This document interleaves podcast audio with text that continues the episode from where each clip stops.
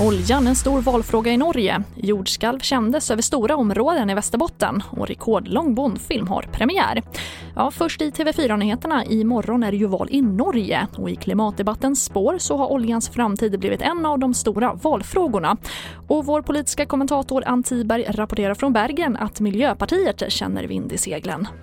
Det blåser klimat och vänstervindar i norska valet och det märks här hos MDG som Miljöpartiet förkortas i Norge.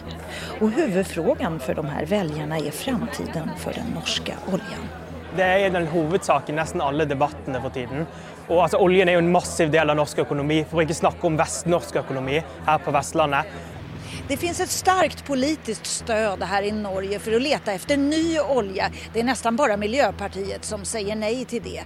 Men partiet kan få en vågmästarroll när en regering ska bildas efter valet och då kommer ett krav att vara att sätta stopp för oljan.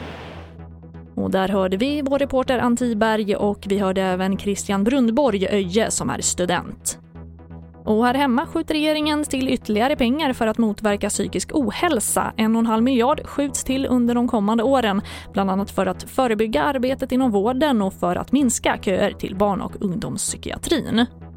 Och ett för Sverige ovanligt kraftigt jordskalv på 2,7 på Richterskalan inträffade under natten mellan Lövånger och Bureå i Västerbotten.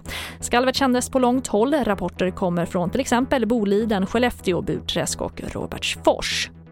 Och vi avslutar med att den flera gånger pandemiuppskjutna Bondfilmen No time to die är inte bara efterlängtad av fansen, den är också väldigt lång.